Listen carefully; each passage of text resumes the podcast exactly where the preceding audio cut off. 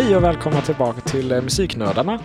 Jag tänkte nu först att vi ska gå tillbaka till ett ämne vi pratade om förra veckan och det är då ASMR. För nu har vi ju Kora med oss här och hon är ju lite en användare av det. Så Kora, berätta för oss. ASMR.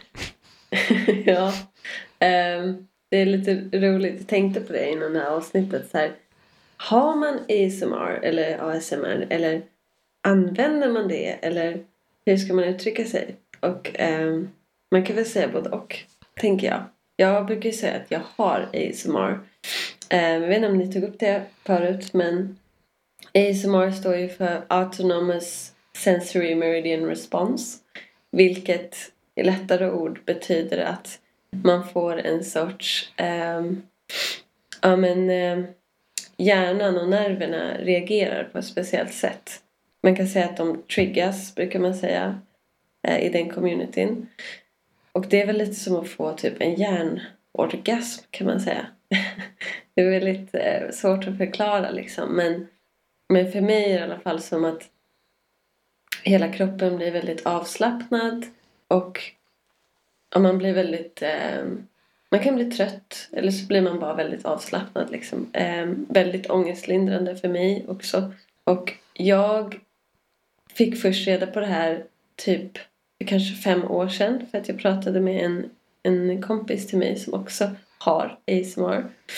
Och då blev jag väldigt så här wow för att jag har när jag var liten så, så kunde jag få den här eh, triggern liksom. Eh, och då visste jag inte vad det var. Då blev jag bara typ så här, helt trött och bara vad är det som händer? Typ så här, eh, varför är jag helt trött? Varför håller jag på att somna helt plötsligt? Men sen då förstod jag att det var ASMR. Och det var ju skitkul att, att helt plötsligt så kunde jag använda det här för att typ sova eller få bort ångest eller sådär. Och nu vet jag inte riktigt hur statistiken ser ut. Men, men det är ju liksom vissa som har ASMR och vissa har det inte så att säga. Så vissa reagerar ju inte alls på sådana triggers och tycker att det är jättekonstigt, vilket jag förstår. Medan folk som mig då tycker att det är helt fantastiskt. Och det är helt sjukt hur eh, den communityn verkligen har uh, boomat på Youtube. Det finns ju så sjukt mycket klipp. Uh, så många olika grejer. Folk har ju så olika preferenser. Och liksom de här personerna som gör ASMR har ju miljontals followers. Alltså det är helt sjukt liksom. Mm. Um, ja, nej men det är verkligen ett sjukt um, flummigt fenomen och jag fattar att det är jättekonstigt för folk som inte får triggers av det liksom. Men eh, om, om vi tar, vad är det för typ av AS, ASMR eller ASMR som du använder dig av? För det finns ju allt från att man drar mikrofonen längs sitt skägg eller du vet. Så, ja, alltså det finns ju tusen grejer. Ja, vad, vad, vad triggar dig mest? För mig är det både så visuell ASMR och vad heter det? Ja men sånt som jag hör. Um, så det kan vara typ att det är lite svårt att beskriva när man inte kan visa det men typ att folk gör med fingrarna så här. Så här, kan, kan, hör ni mig nu? Vad jag gör? Ja, jag hör ja. något. Att man liksom flimrar med fingrarna. Det är lite svårt att förklara men ni kanske fattar. Eller att folk skriver med typ blyertspenna på ett papper. Eh, ibland. Ibland mm. inte är det nice. Eller att folk um, Vissa munljud, inte, inte liksom att folk smaskar. Det är tydligen jättestort. Men det gillar inte jag alls. Men, men typ så naturliga munljud. Typ um, när folk öppnar munnen. Um, så att det låter lite. Ja, det är skitsvårt att förklara. Ja, vi förstår. Vad var det du eh, sa Anton förra veckan? Eh, någonting med tangentbord? Ja, eh, så här mekaniska speltangentbord som har ett speciellt klickljud. Mm. Det är den enda ASMR, ASMR-videon jag har lyssnat på. Jag ska hämta en sak så jag kan demonstrera lite hur det lät. Jag kommer alldeles strax. Mm. Ja. Ni kanske hör mitt nu? Ja. Ja, men det där kan vara ganska nice. Mm. Tycker jag. jag kan, eh, vi kan ju länka lite YouTube-klipp som är mina favoriter. Um, jag gillar en tjej speciellt som brukar göra videos där hon um, ger andra människor huvudmassage eller borstar deras hår typ. Mm. Um, jag tycker det är väldigt avslappnande och det är också så här, Det är på något sätt en empatisk känsla att man så ser att den personen njuter och tycker det är jätteskönt. Så man kan själv föreställa sig på något sätt. Så man får en Ja. njutning av att någon annan får en njutning. Typ. Ja. Jag måste städa på. Måste vara duktig på att städa. Jag hittar inte saken men det var ju från ett vad heter det, racer-tangentbord så får man med en liten tangent med en brytare på. Så ska man bara klistra och klicka på den. Och ungefär så lät det. Så om, ja, Okej. jag, hörde, men jag hörde att du demonstrerade Erik, så ungefär så. Men är det sånt du måste ha för att kunna sova eller klarar du dig utan? Jag kan klara mig utan men jag tycker att det är väldigt skönt för att man just får en... Jag har ADHD liksom så att annars finns det en risk att jag bara ligger och tänker på tusen saker innan jag somnar. Och ASMR gör ju att man bara liksom, man bara somnar. Alltså Mm. man kan typ inte hjälpa det liksom. Ehm, man bara så här, oj, vaknar och bara shit, nu är jag tre, nu har det gått tre andra videos typ. Ja. sovit typ. Men det köper jag liksom mycket för att jag använder ju podd, poddar då. Alltså det är väl Mm. lite som min ASMR kan man säga. Ja. Alltså i alla fall när jag ska sova. Jag kan inte sova utan det. Jag har alltid på en podd. Och så Mm. sätter jag en sån här sömntimer så att den inte drar iväg hela avsnittet. Så får man Mm. gå tillbaka 45 minuter nästa natt. Typ. Ja, Och så exakt. tar det Det fyra nätter och lyssna på en podd liksom. Ja men det, det lyckas jag alltid med när jag ska typ lång tågresa. Ja men typ som jag ska till Stockholm på fredag och det är så här fem timmar tåg. Och då laddar jag ner så här sex poddar och bara nu kör vi. Men jag, jag däckar alltid så här 30 minuter in. Så vaknar jag upp och jag vet inte vad som händer och typ bara jaha. Så jag lyckas Mm. alltid somna på Mm. tåg eller så här när jag lyssnar på podd. Men Ja. annars, annars lyssnar jag typ på så här Gregorian chants eller något sånt. Det tycker jag är skönt. Ja. Ja, Men- alltså jag vet, Mm. ja förlåt, säger du. Nej, nej men säg fortsätt. Nej, men det, var, det, det är inte så här av religiösa skäl, för jag tror inte på Gud, utan det är bara, jag tycker det är väldigt vackert. Och det får mig Mm. att bli avslappnad.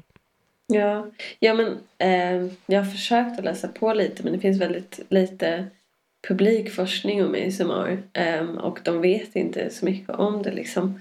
Eh, för det är väl ett ganska nytt fenomen tror jag. Men, men jag tror, i alla fall för mig, att det har mycket att göra med trygghet och att så här, många ASMR-videos är typ så här roleplay baserade så att det är en person som spelar att den till exempel ger dig en facial massage eller eller gör en eh, brain eller så head exam typ. Ehm, Mm. Och det skapar någon sorts trygghet eller att man känner sig ompysslad typ. Och det gör ju en väldigt trygg och då kan man sova gott liksom. Jag vet Ja. inte. Nej, men, Ja. Ja, Jag Mm. tror också att den här eh, eh, just det här att man, blir man är, blir distraherad eh, också har en Mm, effekt. mm. Alltså att man det tar upp ens hjärnkapacitet eller man ska säga genom att lyssna på det och ta in det som man hör och så. Mm. Just för att Mm. komma slippa, såna här, slippa tänka helt enkelt. Typ när man ska Ja. sova. Och så. Mm. ja. Ja, jag gillar ju också typ så här eh, plastpåsar eh, som crinkle säger man på engelska. Vad heter det liksom? Eh, Prasslar menar du? Ja, ja men precis. Plastförpackningen som prasslar väldigt mycket. Det tycker jag är skitnice. Ja. Nej, alltså som du sa, visst, det, när man inte har det eller använder det så kan man inte förstå. Men samtidigt, Mm. vi, vi tycker alla om olika saker. Och eh, så länge man tycker om det och man inte skadar någon annan så go for it liksom. Tycker jag. Ja. Jag kan tycka att, att vissa delar av ASMR-communityn har blivit för typ så här sexualiserade. Eller typ att det blivit någon konstig så här jag vet inte om det är publiken som har gjort att det har blivit så eller skaparna liksom. Men vissa tycker jag känns nästan så här men, men snälla liksom. Eh, Mm. Du behöver inte äta upp mikrofonen liksom. Det här är uppenbart ganska pornografiskt på något sätt. Och det är kanske mitt problem att jag uppfattar det så. Men, men jag tycker att ibland så blir det väldigt så här. Vet inte. Som allt annat i samhället liksom. Det har blivit så sexuellt, sexualiserat. Typ. Men är det typ att någon eh, nästan så här stönar lite? Eller vad, vad är det för Ja. typ då? Ja men precis. Eller att de liksom, ja men typ stoppar upp hela micken i sin mun. Eller typ att det blir nästan som Gud, ja, ja, innan du sa Ja. mun, jag bara, va? Är hon på väg? Ja? Ja, ja, okej, ja, Ja, ja, nej, ja. men- och det tycker jag verkligen så här förstör hela grejen. För det, för mig handlar det inte alls om någonting sexuellt utan snarare tvärtom. Liksom. ja. Någonting, någonting som är intimt men som inte är sexuellt. Liksom. Och det är det jag tycker är fint. Att det kan vara intimt. Man kan få en intim moment med en människa på andra sidan jord- jordklotet utan att det är sexuellt. Liksom. ja. Det var ju faktiskt lite, ja men säga, tjafs om det ganska nyligen på YouTube med just ASMR som uppfattas som sexuellt. Och det var, AS, så vitt jag har förstått det, ASMR-kanaler som antingen fick strikes eller blev bannade för att YouTubes, gran, alltså, YouTubes algoritm uppfattade det som ja, men typ porr. Mm. Mm. Men det kan ju också vara så att de här ASMR-videorna har klickat i att det är barnvänligt. Och så har det den här sexuella tonen och så blir det anmält på grund av det. Typ av föräldrar kanske Ja. eller så. Mm. Eh, exakt, jag tror det var någonting sånt att, um, ja, ex, någon, någonting sånt liknande. Mm. Ja, och det är så här. Såklart att alla har olika triggers och så. Men jag tycker också ibland så känns det som att eh, det är så många som skapar ASMR channels bara för att få typ followers. För att man får followers snabbt liksom. Absolut, för att det är en så stor community. Men, men ibland känns det bara som att så här, du vet ju inte vad du håller på med. Eller så här, att typ, ja, jag vet inte. Jag kanske, kanske bara utgår från mig själv nu. Men jag tycker vissa är bara så här, det här är knappast ASMR liksom. Ja. Mm. Sen är det ju också så att med allt som eh, blir populärt att det, man hör ju att det mesta som blir det i alla fall tar ju någon slags sexuell vändning någon gång. För att Ja. det säljer typ. Mm. Det var ju samma sak som eh, när eh, VR kom till, till gaming och det. Då började Mm. ju liksom det utvecklas porr, alltså för det och, Ja. och sådana saker. Det, Såklart. det är alltid så, känns det som. ja, precis. Ingenting får vara oskyldigt. Nej, precis. Nej. Nej, Nej. väldigt intressant ämne där med ASMR. Och det var kul Mm. att du kunde förklara lite på det sättet. Ja, Ja. Det, be- det behövdes tror jag efter förra avsnittet. Ja, för ingen av oss använder det. Eller har Ja det. men det var ju lite så antiklimaktiskt. Ja, nu ska vi prata med ASMR. Ja men vad tycker ni om det? Ja, vi tycker inte om det. ja, hopp. Ja, ja. ja nej. Men jag kan tipsa att, att ehm, om ni vill så kan ni försöka. Jag tror att, jag tror att det är fler än... Eller så här, jag tror inte folk vet att de har ASMR så att säga. Och jag tror att man kan hitta sin trigger. Ja, det är säkert så att man eh, provar en video, ja men det funkar inte och så lägger man det åt Ja. sidan liksom. Ja. Exakt. Precis.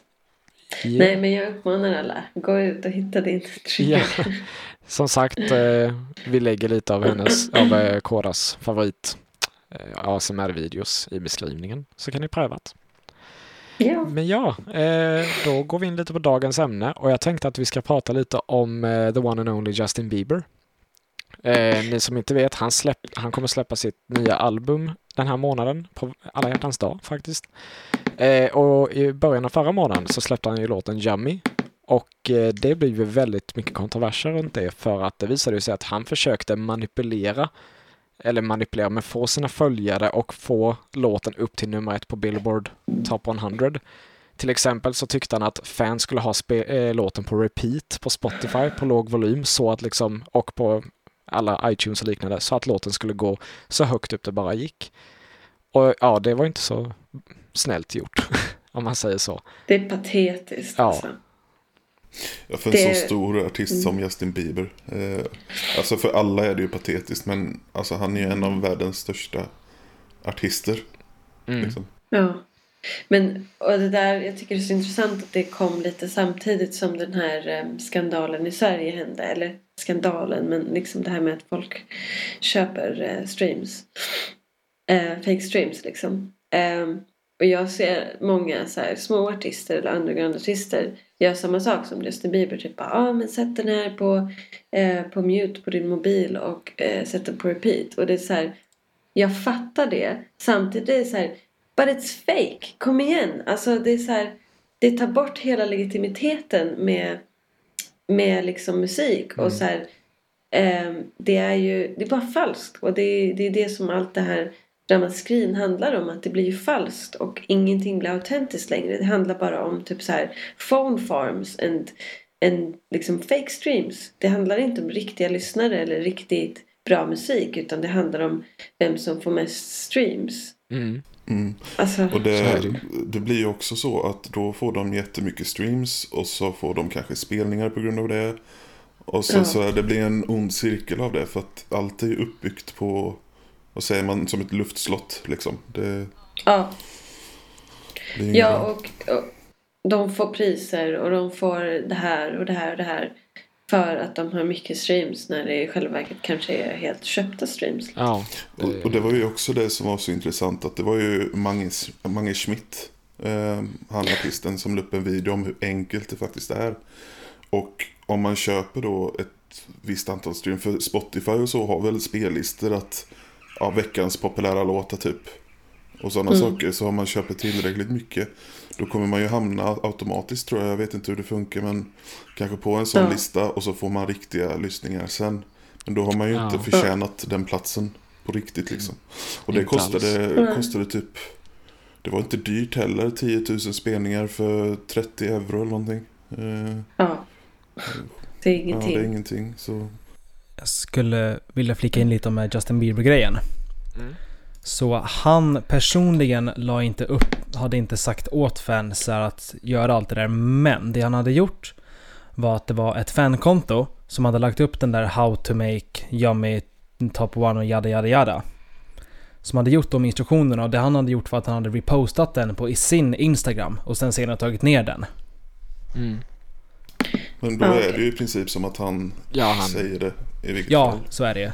Så det är väl det- hans ja. management eller något som har gått in och sagt att det här var inget bra drag. och det, det, är ju, Antagligen. det är ju tråkigt också att just med den här låten, men det är ju en riktig skitlåt dessutom. Eh, texten är ju hemsk. Och jag tycker, inte- ja, jag tycker inte den är kreativ alls. Så ska sånt här... Nej. Ja. Och ha lite stolthet liksom. Kom igen. Det är så här. ehm, man kan inte vara number one hela tiden och så här. Fan, som sagt han är en jättestor artist. Fan, sätt dig ner typ. Så känner jag. Ja. Fan, gå inte ut och tigg streams. Fan, ja, fan. Hela den här grejen gör mig så jävla upprörd för att det bara beskriver hur sjuk musikindustrin är idag och bara hur fucked up allting, allting är. Liksom. Ja, ja, vi- visst, han, det här är hans första platta på fem år, men hur många artister har inte haft världens uppehåll och sen kommit tillbaka med världens, ja, haft skitbra musik. Som du säger, det gör mig jätteupprörd där verkligen. Det är Men eh, han, vad sa du att han har inte släppt ett album på? fem Länge. år. Jo, Purpose men var ju senast. Han har ju inte varit liksom inaktiv. Nej, exakt. Han har ju inte ens haft ett uppehåll. Eh, men det, det är väl att, ja, jag förstår. Han har väl gjort många features. Här. Han hade väl två låtar med DJ Khaled, vad han heter.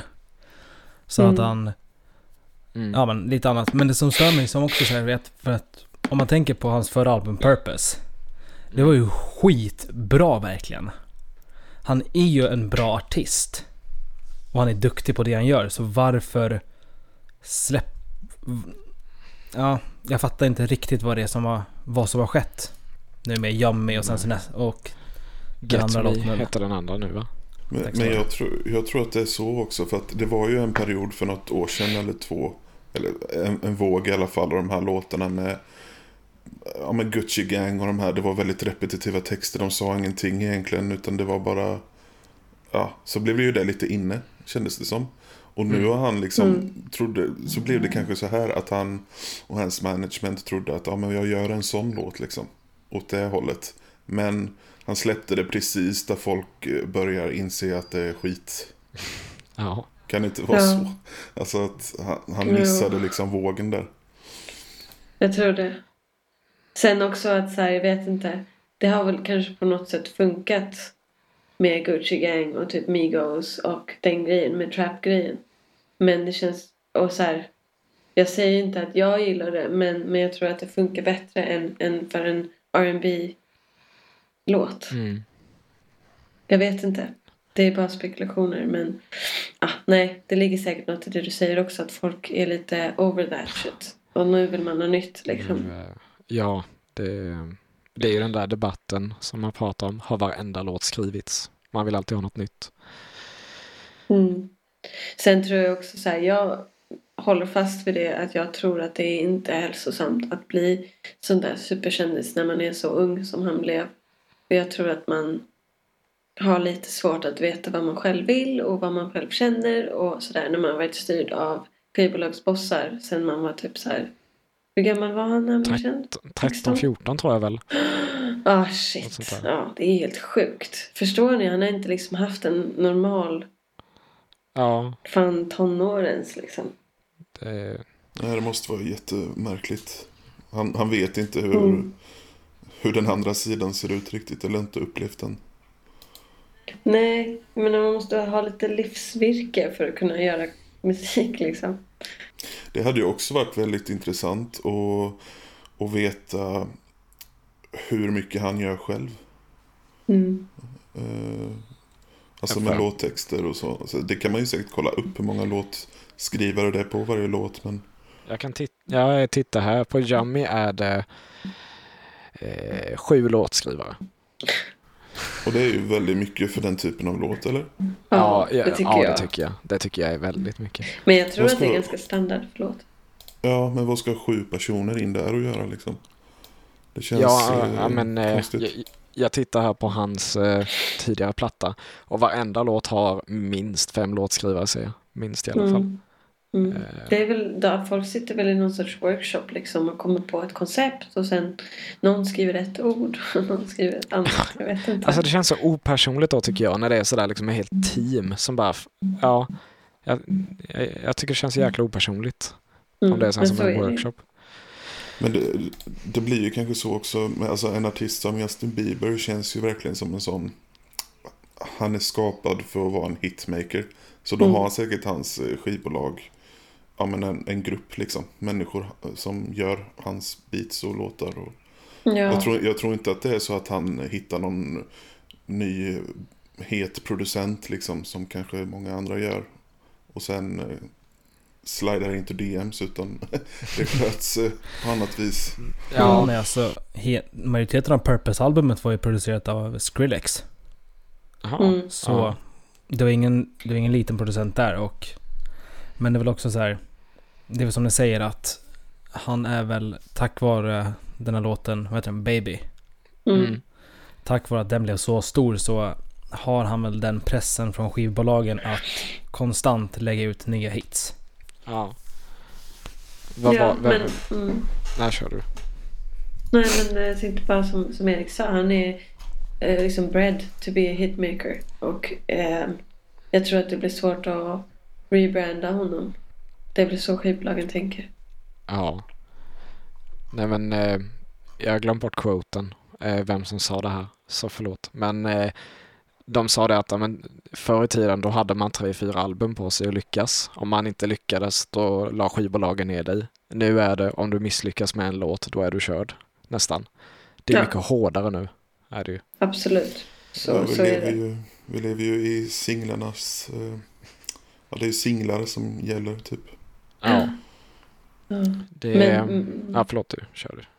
Nej men kör. Kör. Nej jag tänkte gå in på nästa ämne men jag vill att du Ja. avslutar du din tanke där. Nej men jag tänkte bara om vi ska gå tillbaka till det med fake streams. Typ. Det finns ju så himla mycket att säga om det. Men, men jag kan inte se det som annat än oetiskt och att det kommer nog vara en debatt under hela det här året hur fan man ska approacha det för att det är oetiskt och det förstör musikindustrin men det är också en verklighet som vi måste ta i typ. Hur många har, alltså Drake har använt det, eh, Rihanna har använt det, det är liksom det är så. Ja, det kan vi också gärna ta upp vid ett eh, avsnitt. Det här, ja men ska man streama, lyssna på vinyl, CD, hela det. Den debatten, vilket som gynnar artisten bäst. Det är något man kan prata om. Ja. Eh, ja. Ehm, vad var det jag tänkte på med det här med fake streams? Uh, jo, men det, det jag tänkte på var att det, det är jättebra att det blir uppmärksammat nu. eh, och att det har blivit i Sverige. eh, och överallt misstänker jag också att det kommer på tapeten. Men det gäller ju för Spotify och de här företagen där, där låtarna läggs upp. Att de utvecklar någon slags algoritm i sitt system som upptäcker detta. Ja, jag förstår att det är jättesvårt för när man kollade på den eh, Mange Smith eh, videos, videosen han la upp eh, och testade detta så var det verkligen så att det är ju streams från hela världen. Mm. Och Ja. det ser liksom ganska legit ut. Och det är inte så att du bara får 10 000 streams om du nu har köpt det på en gång. Utan det blir 10 000 streams på ett par veckor. Så. Ja, shit. Så det är Eh, supersmart uttänkt liksom. Ja. Ja. precis. Så det är inte så att det bara blir en spike. Utan Nej. det är Mm. gradvis. Det gäller väl att försöka lokalisera vart de här bottarna finns. Men det är, det är också ett omöjligt känns det som. Liksom. Ja. Det kan ju också vara så om man nu ska spekulera att det kanske inte ens är bottar. Det kanske är ett nätverk av människor som, Mm. Som eh, ja, jobbar med detta liksom. Så Mm. kan det också vara, absolut. Eh, ja, det här är nog ett ämne man kan debattera om i timmar faktiskt, för det är ett väldigt intressant ämne. Men eh, det är inget som säger att vi inte kan komma tillbaka till det. Nej, vi får följa utvecklingen och se Ja. vad som Ja, händer. Exakt. absolut.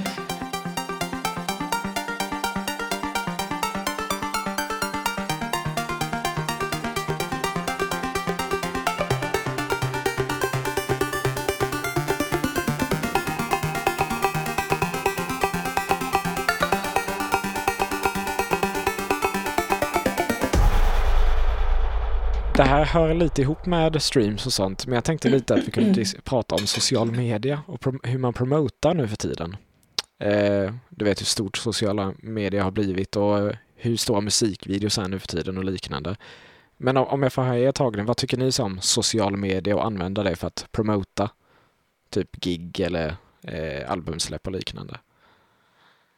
Det är det Det enda är väl så sättet. man får göra. Ja, det, det är det man måste. Det är inte... Jag tycker faktiskt inte en fråga om om man ska göra det eller inte. Det om du vill få uppmärksamhet för dina grejer så är det någonting du måste göra. Och du måste bli Mm. bra på det. Det är det som är så jobbigt med att vara independent idag. För att man måste vara bra på sociala medier. Man måste vara en bra business person. Och man måste vara en duktig konstnär. Skitsvårt. Det, så är det ju tyvärr. Eller tyvärr, alltså jag, jag vet Förr så brukade man ju så här ha brevvänner där man skickade kassetter till varandra. Och då var det ju så här nya band och nya artister och liknande som man hittade på det sättet. Eh, men nu i den här dagen då har vi ju allting tillgängligt med sociala medier. Vi kan titta och så kan vi ju se hur alla andra reagerar. Och det, jag tycker det influerar en lite, jag vet inte vad ni tycker. Men Mm. liksom, man ser alla andras kommentarer, då får man nästan som en lite så här, okej, jag tror jag vet vad jag kommer tycka om den här låten innan jag hör det. Mm. Ja, och det är på gott Något- ont. Ja, och något som är sjukt störigt också. Eh, det är att så fort man lägger upp någonting, om det är på Instagram eller Soundcloud, så får man så här DMs och, och kommentarer från uppenbarligen typ bottar som har någon sån här sida med mycket följare som förmodligen är köpta. Och så att det ska se legit ut. Och så vill de att man ska betala pengar. Och att de repostar och håller på. Liksom det är mycket, skitmycket sånt. Det ska, Mm. man nog, det ska man inte falla för, för det är väl fake allting. Men Ja. det har, kan- blivit, det har blivit en business verkligen. Ja, och jag tänker så här, som du sa någonting intressant där Krille, typ att så här, man kan på en gång se kommentarer och vad folk tycker. Det, det är väldigt speciellt som, som skapare att så här, sekunden du lägger ut någonting kan du samtidigt få en massiv feedback. Liksom, alltså feedback som du kanske inte ens har frågat om. Och det vet jag inte om det är så hälsosamt egentligen för att så här, förr i tiden när folk släppte en skiva Ja men då kanske man fick vänta några dagar med, med att se hur, hur det mottogs liksom. Men nu, eh, jag vet att de dagar då man släpper då sitter man vid mobilen konstant och bara så här notifikationer hela tiden och man bara så försöker kontrollera sina känslor och inte bli för Mm. påverkad av vad folk tycker. Alltså det är skitjobbigt. Anton, vad, vad är din tagning om det här? Ehm, bra fråga. Jag är ju så jävla, ska man säga, utanför sociala medier. Alltså, inte utanför, som förklara det. Jag har ingen koll på det. Mm. Så är väl mer korrekt att säga. Men jag är väl också lite så här att...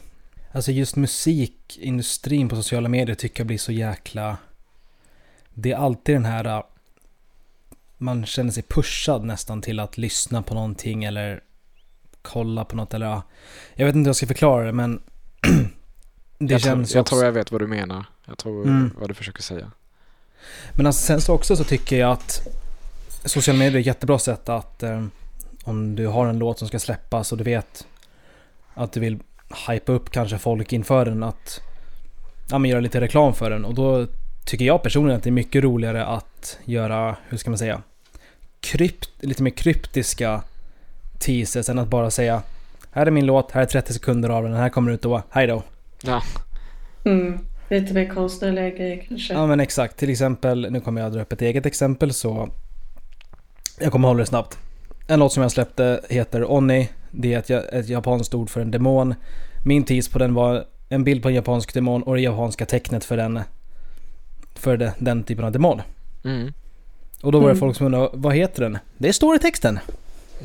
Ja. Så Ja, det är också lite så här, man får vara lite kreativ. Ja. Mm, absolut, det måste man ju nästan vara. Alltså jag tror inte att någon, någon blir särskilt attraherad av att läsa så här. ah, min låt släpps här och då. Man bara okej. Men den är inte här nu så okej.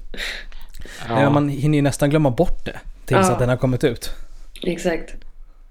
Då är det bättre att lägga ut content som kanske är mer intressant.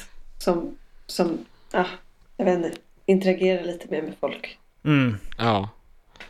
Men är det någon av er eh, som har provat alltså betald promotion, alltså legit då, alltså att man köper det från, det är väl Facebook som äger Instagram, alltså att man betalar lite pengar till deras eh, ad service. Så att, Ja. eh, hur gick det? Funkade det liksom? Jag har experimenterat lite med det och jag tycker så här. äh, Alltså att driva ads här i Sverige det är jävligt segt. Alltså du får inte mycket views, du får inte mycket klicks. Typ så här. Det är jävligt segt.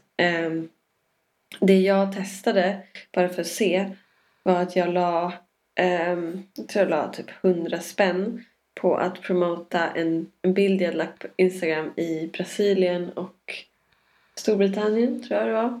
Mm. Eh, och så var det väl kanske ålder så här, mellan, mellan 15 och 30 typ. Eh, på en halvtimme så fick jag tusen likes. Jag var tvungen att stänga av det för min mobil höll på att typ, så här gå sönder för att jag fick så mycket notifikationer. Helt sinnessjukt. Så att jag tror man måste tänka väldigt strategiskt. Så här, vad är det jag är ute efter? Är det, är det likes jag vill ha? Då kanske jag får eh, rikta det någonstans där det finns där folk är mycket på sociala medier, där det är mycket människor. Mm. Eller vill jag ha mycket eh, folk som faktiskt engage med mitt material. Då kanske det är smartare att, smartare, smartare Smart. att,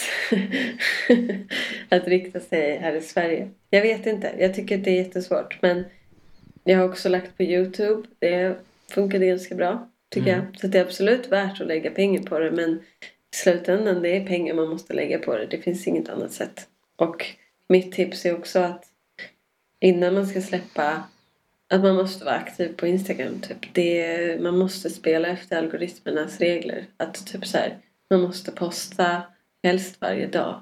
För att, för att alla som följer dig ska kunna se.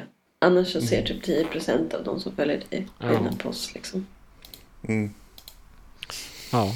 Det... Så det är, det, är det egentligen bara så att, eh, det är ju intressant, eh, ni som kanske har mer koll, är det så att på Instagram till, till exempel, att det räcker med att posta hela tiden, eller mycket, så dyker det upp i mer och mer av ens följares eh, feeds, eller behöver man integra, inte, säger man, integra, inte, Integrera. integrera med dem också?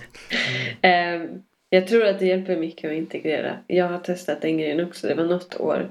Nu har jag varit sjukt dålig på Instagram den senaste tiden. Men, men det var något år som jag satsade på det där och var väldigt mycket så här, likade andras grejer, började följa personer, kommenterade typ. Och då fick jag jättemycket följare. Mm. Så jag tror att det är, det är både och liksom. Man postar själv och interagerar. Man är, använder appen mycket generellt liksom. Men, men alltså att du integrerar det då med typ folk, folk du inte känner? Alltså nya, du, nya konton? Både och. Okej. Ja. Mm. Yes, ja men eh, promotion. Det är, ja.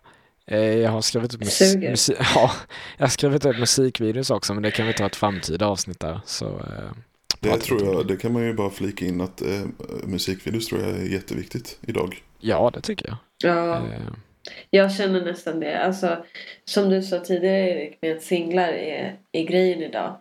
Eh, I och med det tror jag också att det hjälper jättemycket att ha en musikvideo för att det ger ett extra element. Det är ett visuellt element. Folk gillar ju hela paketet liksom, inte bara en låt. Nej, och sen eh, om man inte har tillgång till att göra en bra musikvideo så finns det ju sätt att göra en snygg lyric-video Ja. också. Ja. Och det är ju snäppet under musikvideo kanske, men det är ju fortfarande väldigt bra. Jag tror, tror också så här, var bara kreativ. Alltså tänk inte så mycket på att så här, ja men jag har ingen bra kamera och bla bla bla. Filma med din fucking iPhone för att vi har iPhone som filmar en helt sjuk kvalitet idag. Så att låna en bra iPhone av någon eller använd din egen shitty iPhone för att i slutändan spelar det ingen roll. Det är det som är i musikvideon som spelar roll. Så var kreativ och gör din egen musikvideo, tror jag. Ja. Mm, och nu är det ju dessutom eh, snyggt att eh, få grejer att se slitet och gammalt ut. Så då Ja. lägger man ändå på ett filter sen. Kanske. Ja, Så att, Ja. verkligen. Ehm, yes. Jag tänkte nästa. Det får här får bli lite som att man får eh, ta en runda runt. För jag vill gärna ha, jag tänker konserter, för det är ju väldigt kul att gå på konserter tycker jag. Eh, vad tycker ni är ingredienser till en bra konsert? Vad, vad gör en konsert bra? Oavsett genre. Om vi kan börja med Anton. Hmm. Jag tänker jag, jag skippar det här uppenbara som bra ljud. Mm. För det är så här. Man vill inte gå på en konsert där det är dåligt ljud. Globen. Men eh, alltså de visuella elementen är väldigt viktiga tycker jag. Mm. För det är liksom... Ja men till exempel i house.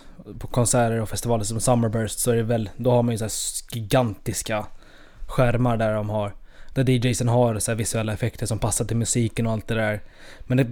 Alltså det ska funka... Det ska vara... Jag tycker att det är ett måste i varenda genre. Som när jag var på Eminem till exempel. Han är ju från ehm, Detroit. 3... Ja, Detroit 313 eller vad han säger. Och han hade ju byggt upp en del av De- Detroit där han bodde som sin bakgrund. Hade så här alltså det ut som en industri bakom honom Mm. på scenen.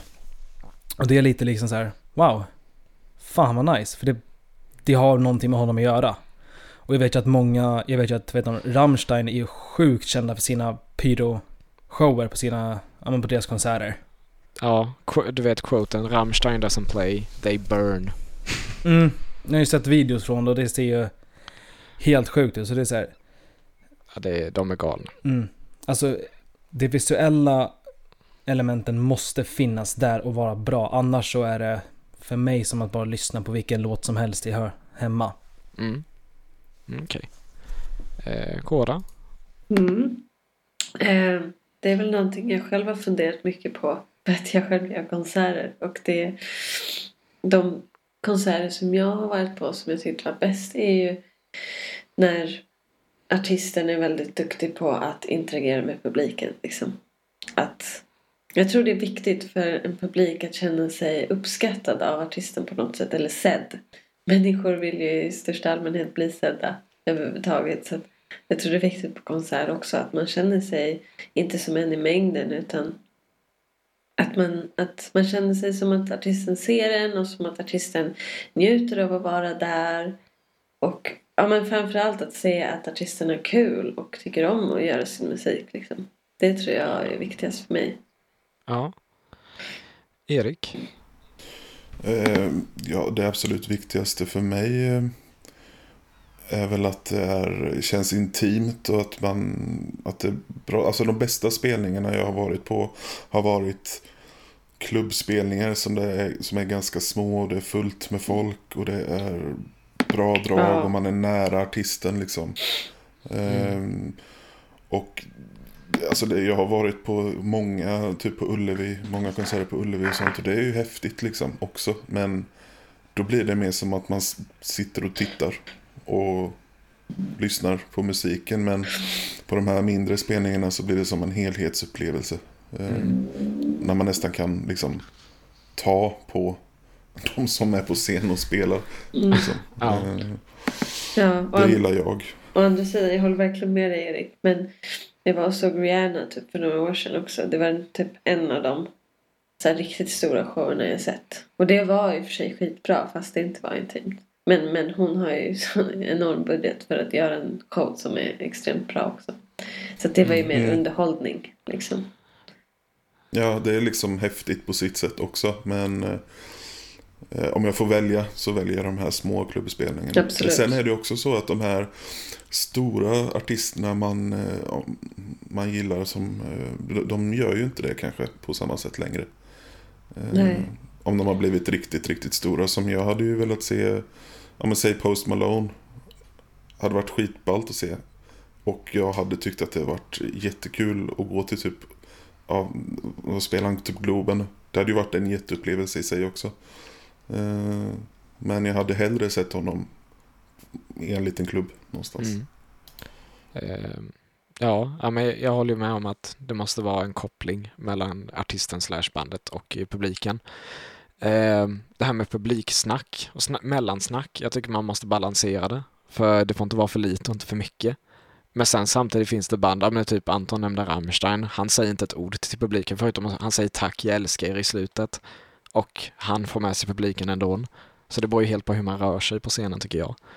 Ja, Eh, det, ja, eh, för det är ju tråkigt om bandet bara går dit, ställer sig och bara spelar och sen går. Som att det bara är rep.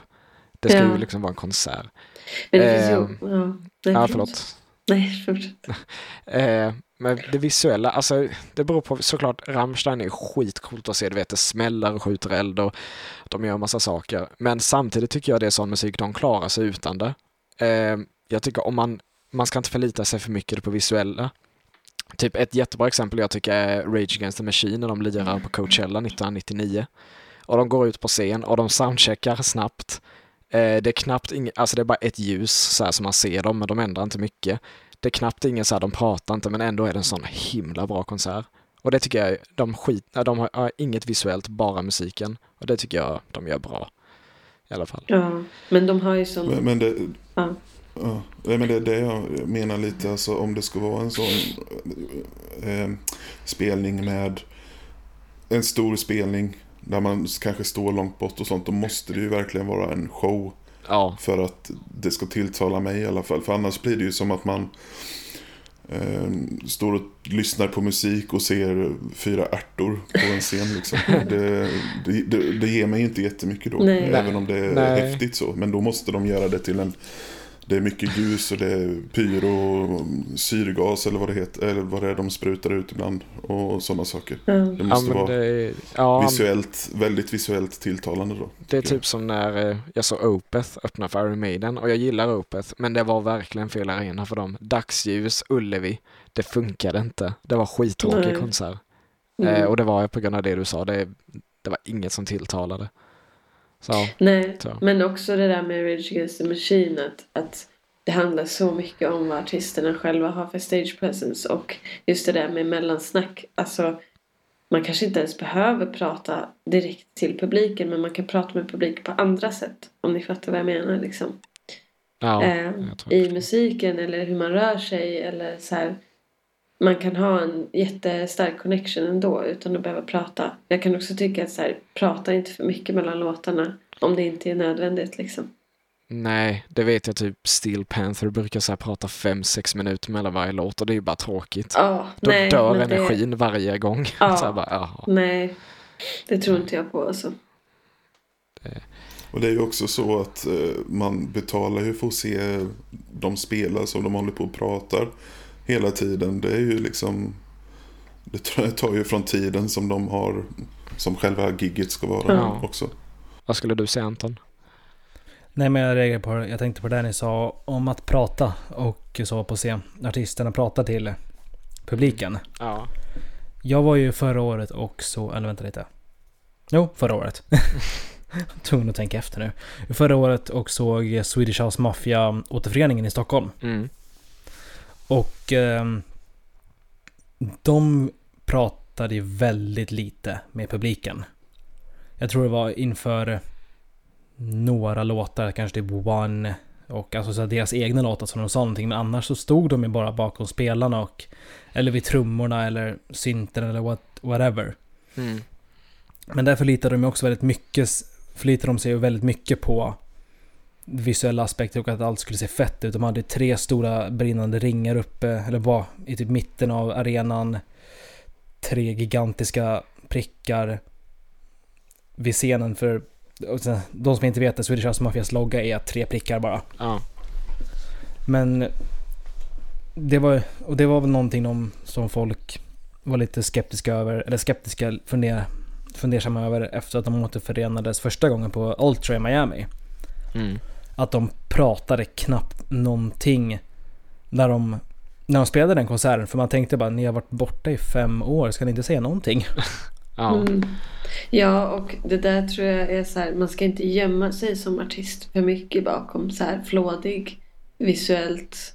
Alltså så här, som du säger, att ha tre brinnande ringar i luften typ och sen inte säga ett ord eller typ ens kolla på publiken. Det är så här, då gör det ingenting. Alltså, Mm. Nej, alltså Eminem i alla fall, han pekade finger åt, åt publiken. ja det är inte Ja, så trevligt heller. Jo, det, Nej. han gör det av kärlek. ja, ja, jag kan tänka mig det. Nej, men sen finns det vissa band, typ ett av mina favoritband, Tool, det är ju sånt band.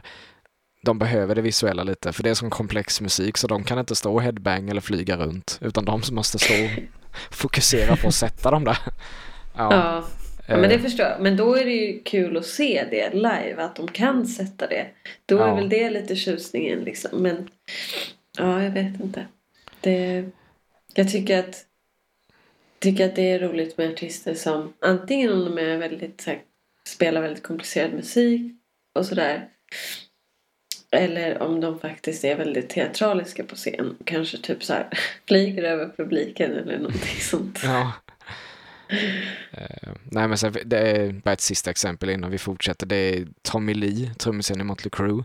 Han är ju så här lite eh, all show no play lite. För han brukar göra trumsolon där typ, ja men typ trum, eh, trumspelandet, alltså hans drumkit åker över publiken och massa så här snurrar runt och håller på. Men hans Mm. trumsolo består av att han lägger en ja, kvartsnoter, det är det han spelar. Man liksom så här, Mm. gud vad kul. Så, men Ja, eh, jag tänker innan vi börjar avsluta så ska vi bara snabbt prata om en sista sak som har med konserter att göra. Det är mobiler på konserter. Det här som har blivit så stort nu på sistone. Att filma Mm. och sånt här. Vad tycker ni om det? Jag har tänkt på det där eh, när jag själv har varit på konsert. Ehm, och jag tycker det är helt jävla värdelöst att filma en konsert. Har jag insett. För mig är det helt jävla värdelöst. För att dels så missar jag själva upplevelsen för att jag står och stirrar in i min mobilskärm och typ så här vill fånga en bra shot liksom. Och för andra så kollar jag aldrig på det jag filmat någonsin igen. Så Mm. att där kastade jag pengar i sjön liksom. Vad tycker du Anton?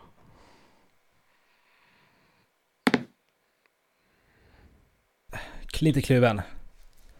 Jag filmar då och då när jag är på konsert. Mm. Det kanske är någon sån här specifik, om det är till exempel men, Eminem eller Swedish House Mafia eller ja. Då är det någon sån här specifik låt som jag kanske filmar lite av för jag vill säga bara, ja men det kan vara, jag är ju den som faktiskt kollar tillbaka på sånt där ibland. Mm. Också för att jag har så jävla dåligt minne så jag försöker påminna mig själv hur det var. Ja.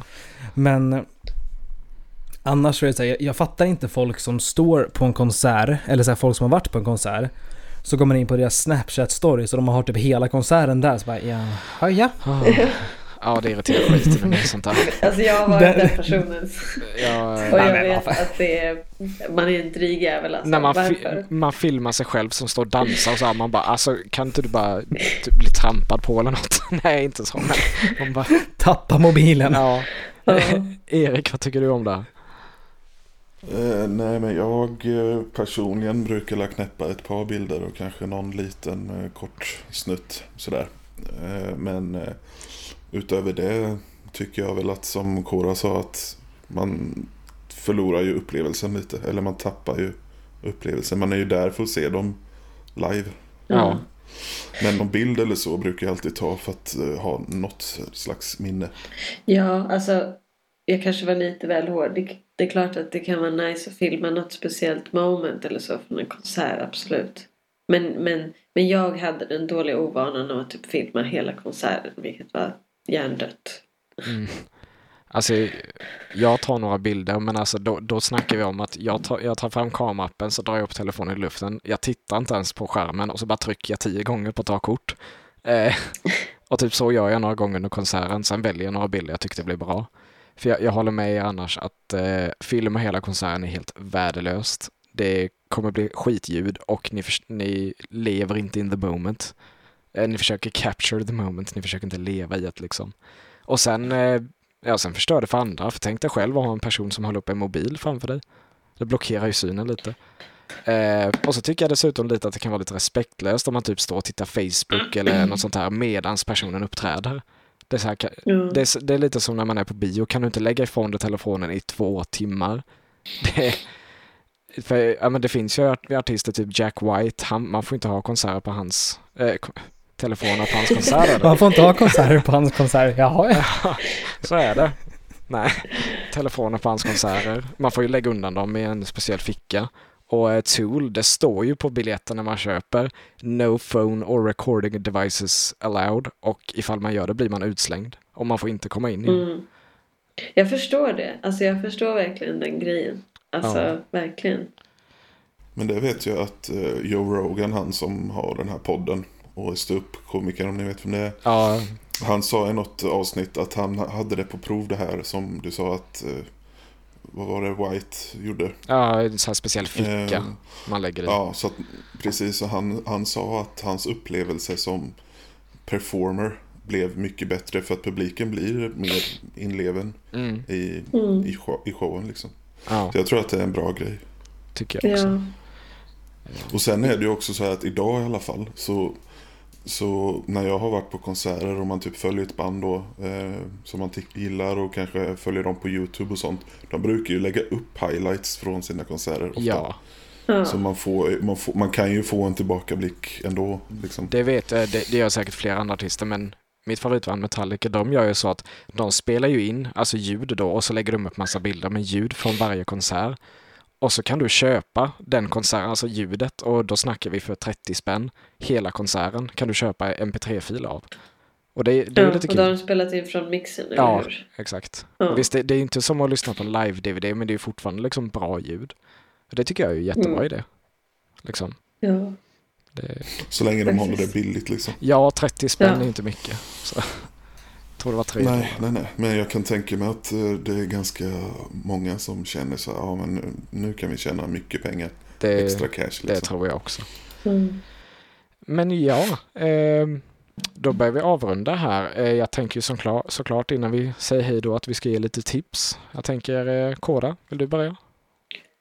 Yes. Eh, jag fick mitt tips. Det är ingen ny låt, men skitsamma. Eh, Shabazz Palaces Shine a Light feat Cadillac heter den. Skitbra låt. Släpptes för två år sedan. Shabazz Palaces är ett skitbra band. Eh, Erik? Eh, Jag tänkte tipsa om en låt av Vinnie Paz som släpptes 2018 från albumet The Pain Collector. Mm. Eh, Låten heter A Power Governments Cannot Suppress och det är sista låten på den plattan. Och det är egentligen Vinnie Paz som gör fem verser på raken och pratar om väldigt politiska saker. Eh, och bitet, ja det är fem verser på rad helt enkelt och bitet eh, ändrar sig lite mellan varje vers. Och det kändes som att han ville avsluta hela plattan med något riktigt, ett viktigt meddelande liksom till allmänheten kan man säga. Ja. Eh, och den är väldigt bra. Eh, kan man kolla in om man gillar Winnie Pass eller Yes. hiphop. Anton? Yes, jag skulle vilja tipsa om uh, Gorillas nya låt Momentary Bliss med Slow Tie och Slaves. Ja, det var jävligt bra. Den var bra. Jag är också, sen så är jag kanske lite biased och jag Mm. älskar Gorillas. Men de har ju varit, alltså... Gorillas är verkligen ett sånt band, de släpper inte så ofta. Musik så jätteofta. Senaste albumet var ju 2018 och innan det 2017. Ah, Okej, ett år emellan där. Men Ja, men innan dess ja, ja. så var det så alltså, absolut. hur många år var det inte Det är- mellan Ja. de humans och det andra? Sa- Sak samma. Mm. Men... Jag var kanske inte jättestort fan av Humans då det kändes som att det bara var en kollaborativ platta mellan Gorillaz var bara så här featuring och sen så var bara bara andra artister som gjorde den och jag, det kändes inte som Gorillaz på något sätt. The Now Now Ja, var, ganska, där. var bra, men det kändes inte liksom så här. Det kändes inte heller rätt, men med den här låten så känns det som att de är, Gorillaz är tillbaka nu. Och de ska ju tydligen, och så vitt jag har förstått ska de släppa Mm. musik under hela det här året. Och jag antar att The Song Machine kommer vara albumet. Vad det albumet kommer heta. Ja, de, de kommer typ göra så, eh, Mm. så här, typ singlar under året. Eh, och så kommer de släppa så lite stories, alltså som Jamie Hewlett, Mm. den ena medlemmen. Alltså Ja. riktiga medlemmen då. Ja, man kan gräva Ja. sig ner djupt på, med Gorillaz, Eh, men eh, Momentary Bliss är mitt tips den här Ja, veckan i alla fall. Yes, eh, nice. Jag vill tipsa om, först bara, jag märkte det igår när jag körde bil. Så tog jag en Rise Against-CD ur min samling och lyssnade på och tänkte på hur jäkla bra de var för. Så jag vill tipsa om Rise Against första tre plattor som är The Unraveling Revolutions Per Minute och Siren Song of the Counterculture. Och det är ju när de var lite mer hardcore punk. Eh, riktigt bra plattor alla tre. Så det kan jag tipsa om. Men låten jag vill tipsa om det är Night of the Witch med Testament. Det är ett gammalt thrash metalband och de släpper en ny platta i april. Och det här är då första singeln och jag ska se dem eh, live nu på fredag tillsammans med Exodus och Death Angel. Så det är pumpande att lyssna på dem kan jag säga. Så det är mina tips. Men det var väl allt vi hade där. Eh, vi syns ju på, eller syns, hörs. Eh, hoppas ni har det bra tills dess. Hej då! Hej då!